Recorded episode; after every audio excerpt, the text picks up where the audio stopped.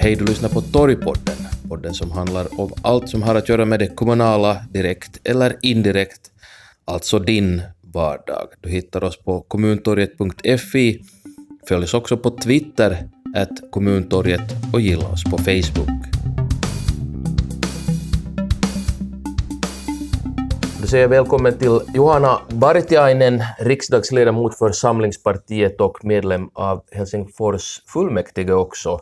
Aktiv samhällsdebattör får man väl säga. Välkommen till Torgpodden. Tack, tack.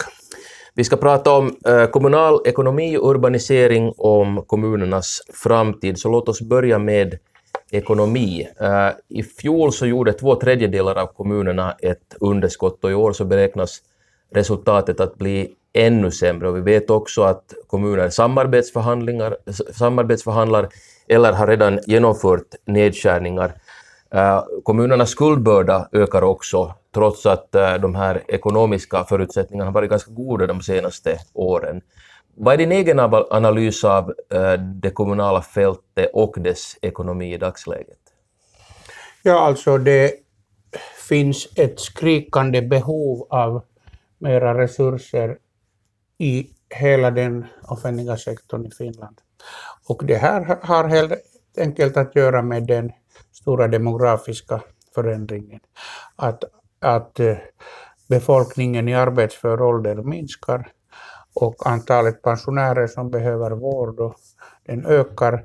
Detta gör att de offentliga finanserna i Finland så småningom försämras. Alltså vart år försvagas Finlands offentliga finanser med cirka 500 miljoner euros utan att några nya beslut fattas. Alltså det är bara den demografiska, grymma, obönhörliga automatiken mm. där.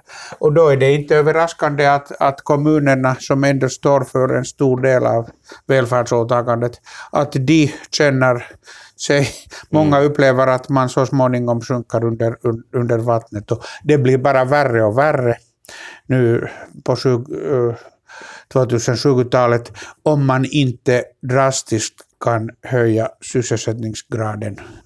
Okej, okay. så du pratar om den här demografiska utvecklingen eh, som är ju förstås någonting som är väldigt svår att påverka, men man måste ändå försöka forma sin politik efter det. Har det varit en misslyckad politik eh, fram tills nu som har just försatt kommunerna i den här situationen?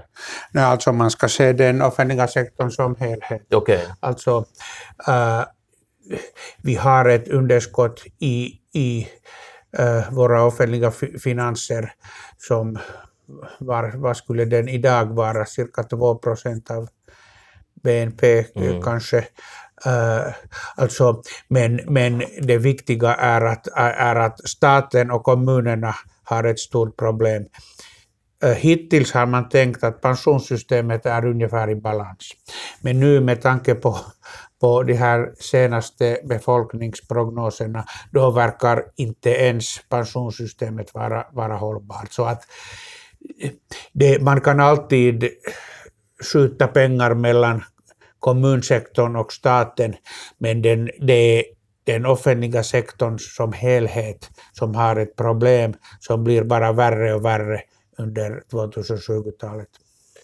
Eh, då låter det som att du säger att, att kommunerna jag menar, kritiserar ofta regeringar för att det här statsandelssystemet äh, eh, inte är rättvist. Men du säger att problemet ligger inte i det att, äh, alltså säga, det här systemet, utan problemet är mer grundläggande än så. Absolut, problemet är mer grundläggande än så. Alltså, de pengar som kommunerna får från staten, de kommer inte från någon trollkarlskälla, utan det, det, det, det handlar om samma pengar, alltså skattebetalarnas pengar. Och när den liksom, produktiva potentialen i ekonomin inte räcker till för att finansiera vårt välfärdsåtagande överlag, mm. då hjälper det inte att vi, vi, vi bråkar mellan fördelningen mellan staten och kommunerna. Okay. kommunerna här. Låt mig ändå lite bråka om den saken, för att under regeringen äh, Sipilä, där förstås Samlingspartiet var ett tongivande parti, så minskade statsandelarna med 850 miljoner euro. Ungefär 500 miljoner av det här så kan hänföras till det här konkurrenskraftsavtalet som man då tänkte att skulle så att säga hjälpa upp eh, ekonomi. Sakkunniga säger nu att de här, de här effekterna åts upp av skattelättnader och den här förlängda arbetstiden hade inte heller den effekt som man hade trott. Hur ser du på konkurrenskraftsavtalet idag? Var det ett misslyckande givet att det hade en sån effekt eh, på kommunernas ekonomi eller var det motiverat? Ja, det var, det var, det var motiverat i sig. Alltså det var ett slags, ett slags tillrättaläggande av vårt relativa kostnadsläge mm -hmm. gentemot världen, omvärlden och Tyskland och euroområdet. Så vi sänkte arbetskraftskostnaderna. Det var poängen. Det här att man gjorde det genom att förlänga arbetstiden, det är bara, det är lite oärligt att, att eftersom det handlade hela tiden om att sänka sänka arbetskostnader, det vill säga sänka mm, lönen. Men eftersom man i Finland är så, man, man inte har det här politiska kuraget att, att säga sakerna rakt, då, då ville man snarare förlänga arbetstiden istället för att säga att vi sänker lönen. Men det handlade om detta, att vi, vi, vi sänkte arbetskraftskostnaden. Och, och det var ändå en bidragande orsak till att vi fick en väldigt bra sysselsättningsökning under Sipilä-regeringens två sista år. Alltså det blev, ihopräknat blev det en ökning i antalet sysselsatta på uh, ungefär 140 000. Så det var väldigt bra. Och Kiky-avtalet förstås var endast en del i det paketet, men allt som regeringen gjorde kan uppskattas kanske att ha en effekt på mellan 40 och 50 000, så att det är ingenting att, att, att, att ringakta. Och sen, alltså den här fördelningen av bördan mellan staten och kommunerna, mm. ur en nationalekonomisk synvinkel är det alltid lite sekundärt. Jag är bekymrad äh,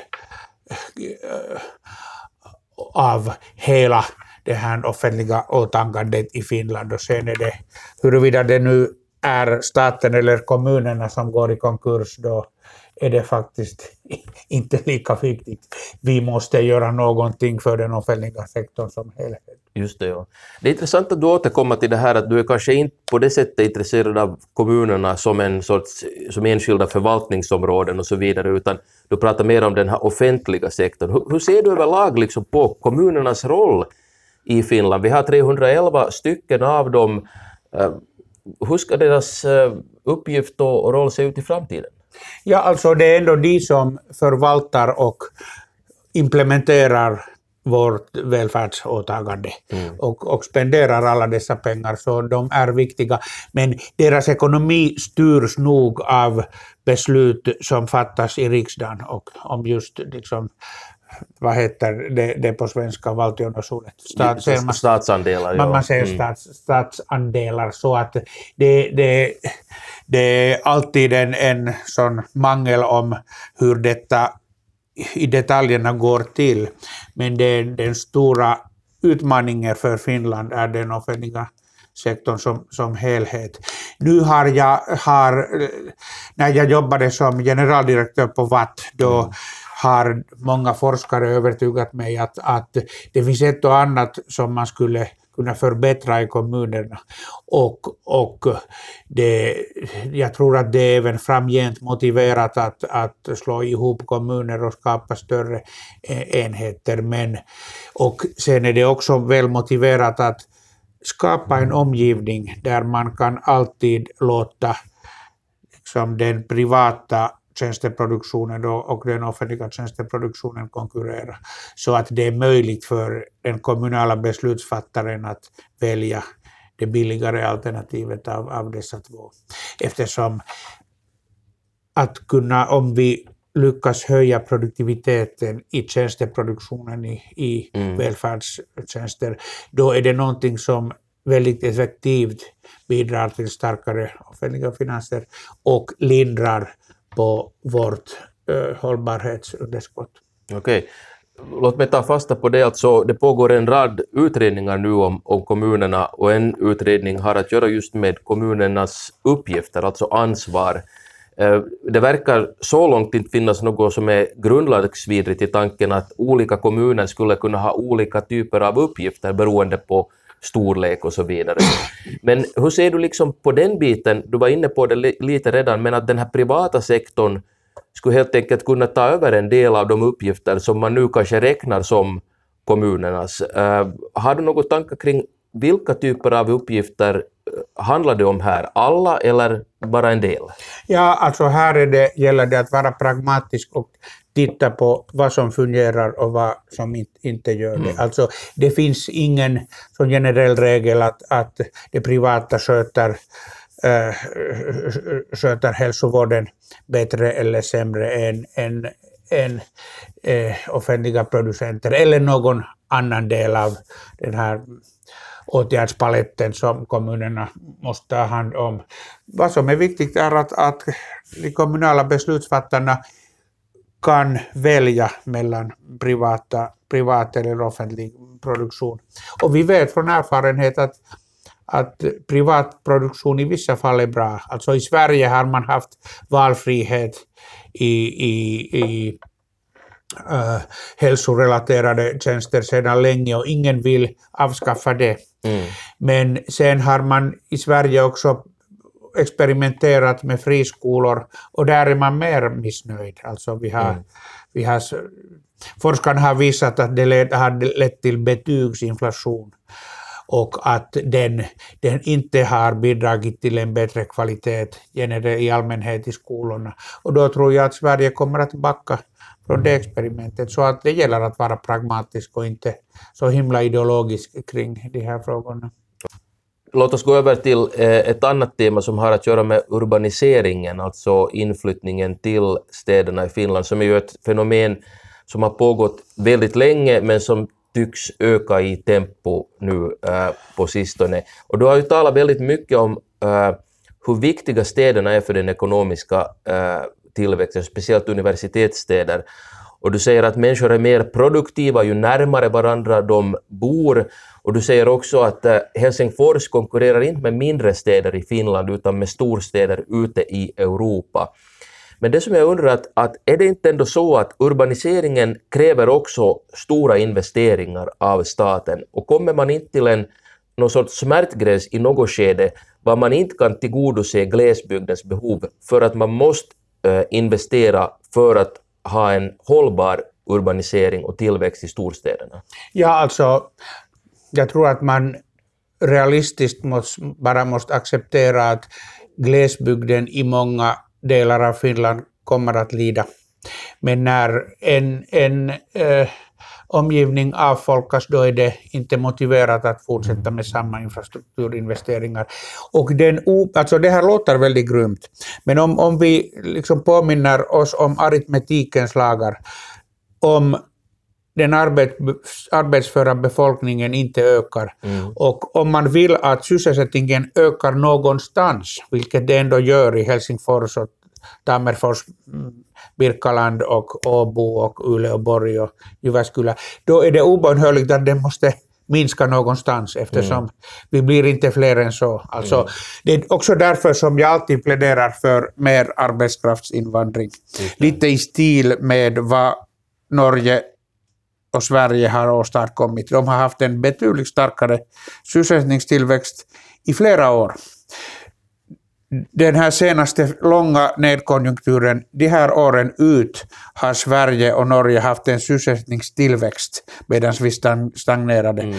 Och cirka hälften av den tillväxten i Norge och i Sverige har varit bland utlandsfödda.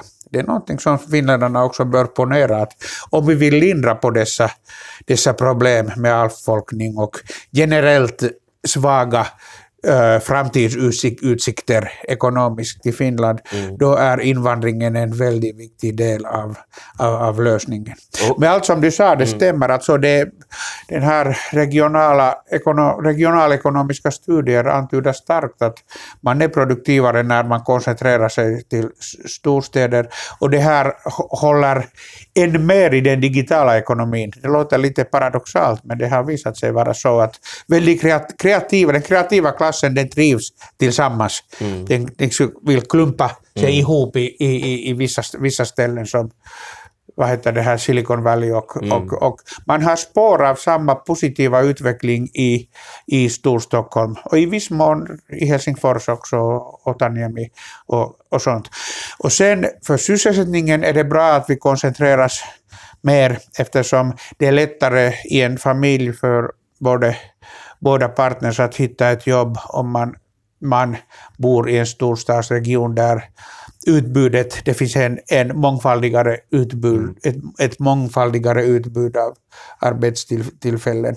Så att, och även den här invandringen den fungerar bäst när det finns goda, attraktiva urbana områden. Invandrare trivs i sådana. Det är svårare att få in invandrare till glesbygden. Det, det funkar i vissa fall. Ta Närpes exempelvis, mm. där de tomater och salater som du och jag äter, de produceras av invandrare i Närpes. Men, men generellt vill man, ha, vill man i framtiden ha livskraftiga storstadsregioner med universitet. Det är mm. de som är nyckeln till den framtida ekonomiska tillväxten. Mm. Men hur ser en politik ut som stöder det här då? För att det verkar ju ändå vara så att oberoende regeringskonstellationer så är det lite känsligt det här med att prata om att, att glesbygden avbefolkas. Man pratar snarare om det här att, att hela Finland ska leva, alltså att man ska bo, kunna bo överallt i Finland. Är det här så att säga ett, ett, eh, något av ett självbedrägeri att tro att det är möjligt, eller vad tänker du om den politik som borde föras för att just stödja urbaniseringen? Ja, alltså vi, vi stöder inte urbaniseringen, det är klart. Alltså, vi bromsar mm -hmm den, på den här urbaniseringsutvecklingen med alla möjliga medel, inte minst statsandelar mm. som, som, som, vi var inne på, den progressiva beskattningen och, och all, all regionalpolitik gör det. Men det är ändå en sån megatrend så, som så småningom går framåt och i det avseendet släpar vi efter övriga Norden egentligen. Alltså vi är mindre urbaniserade än, än Sverige. Okay. Sverige lät sin glesbygd avfolkas redan på 60-talet när man avvecklade lantbruksstödet. Mm. Och nu ser liksom njut, njuter Sverige frukterna av den politiken i och med att man har liksom starkare sysselsättningstillväxt i, i storstadsregioner som Göteborg, Malmö, äh, Helsingborg och som, jobbar, som funkar bra ihop med Köpenhamn faktiskt, mm. det här södra Sverige och Skåne.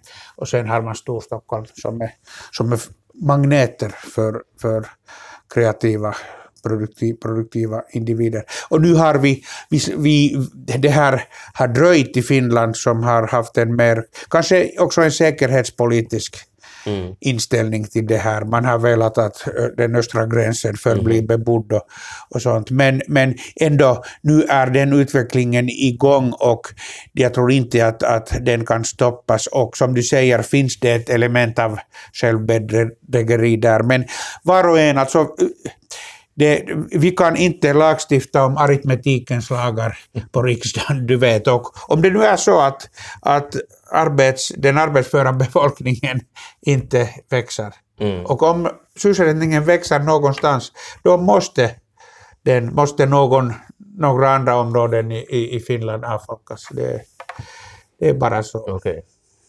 Uh, eh, låt oss avrunda med det som du har varit inne på redan, men som har att göra med sysselsättningen och specifikt då de sysselsättande åtgärder som det här, den här regeringen har tagit till. Jag vet att du har skarp kritik att rikta mot det. En sak som man pratar om, eh, vilket kanske är lite vagt ännu, men att man talar om att kommunerna ska tas med som en del i de sysselsättande åtgärderna. Hur ser du på det här programmet som nu finns, alltså från regeringen, vad gäller de här åtgärderna? Och vad är så att säga den offentliga sektorn, till exempel i form av kommunerna, vad är deras roll i att få upp sysselsättningen? Ja, alltså ja, ja, det kan vara nyttigt att, att alltid att vara lite, ha en öppen attityd gentemot hur man organiserar den här arbetsförmedlingen mm. mellan statliga statlig förvaltning och kommunerna. Men det är inte en så pass stor skillnad. Alltså, mm. det är alltid, alltid handlar det om att en person träffar med någon i, i arbetsmarknadsförvaltningen, mm. den här tjänst, tjänstemannen på andra, andra sidan bordet. Och, och ibland kan det vara bra att man har en, en, ett samarbete mellan kommunerna och, och arbetsmarknads, arbetsförvaltningen. Mm. Och det har man haft. Det finns dessa typcentraler. Det handlar ändå om, sen, om en sån, uh, ett samarbete Ja. mellan olika delar av alltså myndigheter, Ja. mellan olika myndigheter. Och det där, alltså, man ska inte tro att det blir någon som mirakellösning och det finns inget vetenskapligt belägg för att det skulle funka bättre om kommunerna tar hand om det jämfört med att det är staten som, som tar, tar hand om det. Så att Okej. man ska inte förvänta sig några, några, några mirakler där. I vissa kommuner funkar det bra, kanske de känner den lokala ekonomin bättre. Mm. Men sen har jag också i arbetsmarknadsutskottet på riksdagen har jag lyssnat lite, eller alltför mycket, på sådana representanter som kommer från någon kommun, ofta i glesbygden, som förklarar oss att ja, vår kommun den är den bästa kommunen för den arbetslösa. Att vi, vi tar hand om honom och henne och det verkar så att de tar hand om honom och henne i all evighet. Och, och glömmer fullständigt att det här, hela det här systemets stora uppdrag är ändå att, att pusha personen tillbaks till den, tillbaka till den öppna arbetsmarknaden. I hissen upp hit eh, till redaktionen så sa du att, eh, att eh, du kan hantera den här vänsterregeringen men den offentliga ekonomin kan inte. Om vi avslutar med den saken vad tror du att kommer att hända med den offentliga ekonomin under de närmaste fyra åren? Ja, alltså jag tror inte att de kommer att vara i stånd att genomföra det eftersom de har betingat sina, eh, sin finanspolitik på en sysselsättningsökning, men de verkar inte vara i stånd att vidta några åtgärder som verkligen skulle öka på sysselsättningen. Alltså de tar alla de, de, de här lätta, lätt, lätta och och politiskt söta bitarna. De vill öka, öka subsidierad anställning, alltså lönestöd, lönesubsidier. Och det, det funkar i viss mån. Det, det finns också en... Alltså man slösar pengar i viss mån eftersom man kommer att understödja uh, anställningar som skulle ha ägt rum i vart fall. Men det kommer ändå att ha en liten förbättrande effekt på sysselsättning. Men de här summor som man har pratat om att man ökade med 24 miljoner eller sånt, det är någonting helt löjligt. Alltså, de pratar om den svenska modellen, men om man verkligen ville införa den, det svenska handlingssättet till Finland, då borde man öka, öka eh, den här aktiva arbetsmarknads, den aktiva arbetsmarknadspolitiken utgifter inte med 24 miljoner eller något sånt, utan med 500 miljoner eller en miljard eller något sånt. Men samtidigt införa en, många andra reformer som skulle göra vårt vår politik mycket stringentare. Alltså Sverige har, Sveriges arbetslöshetsersättning är mycket mer krävande. Man får den endast i 300 dagar. Den, den är, det finns en sån tidsprofil att den sjunker efter en tre månaders arbetslöshetstid. Sen i, i bostadsstödet har man mycket, alltså den är mycket lägre i Sverige, man har stringentare villkor. Och utkomststödet är den stora skillnaden mellan Sverige och Finland. Det finns antalet, det absoluta antalet individer som får utkomststöd, alltså det här toimeentulotuki, Mm. den är ungefär lika i Sverige och Finland, kan du tänka dig. Sverige är ett två gånger större, större land. Mm. Och i Sverige, för att få utkomststöd måste du ver verkligen göra vad den där socialtanten på andra sidan bordet säger. Och de säger ganska hårda saker, att du måste ta hand om ditt alkoholproblem eller du måste ta det här jobbet i kommunen. Vi, vi, vi sysselsätter dig. Och om du inte gör som vi vill, då får du inga pengar alls. Mm. Medan man i Finland redan liksom utifrån grundlagen argumenterar att, att en person som inte vägrar att delta i någonting, den måste, den måste ändå erhålla sitt utkomststöd. Så att det är en väldigt stor skillnad. Den svenska välfärdsstaten är ganska krävande och stringent och det är någonting som finländarna inte, inte på riktigt förstår. Och, och äh, Sve- Sverige har inte heller någon allmängiltighet i sina kollektivavtal. Då är det lättare för icke-organiserade företag att anställa en person. Så att den här Rinner-regeringen verkar endast låna de här politiskt angenäma bitarna och stoltsera om den svenska modellen, men, men den glömmer alla de här andra väldigt viktiga bitar i, i Sverige. Så att vi kommer att se en försvagning av de offentliga finanserna och i värsta fall kommer vi att se en, en, en nedgång i antalet sysselsatta. Jag räknar inte, jag, jag räknar inte ut det heller. Okej. Säger alltså Johanna Vartiainen, riksdagsledamot för oppositionspartiet Samlingspartiet. Tack för att du medverkar i Torgpodden. Tack, tack.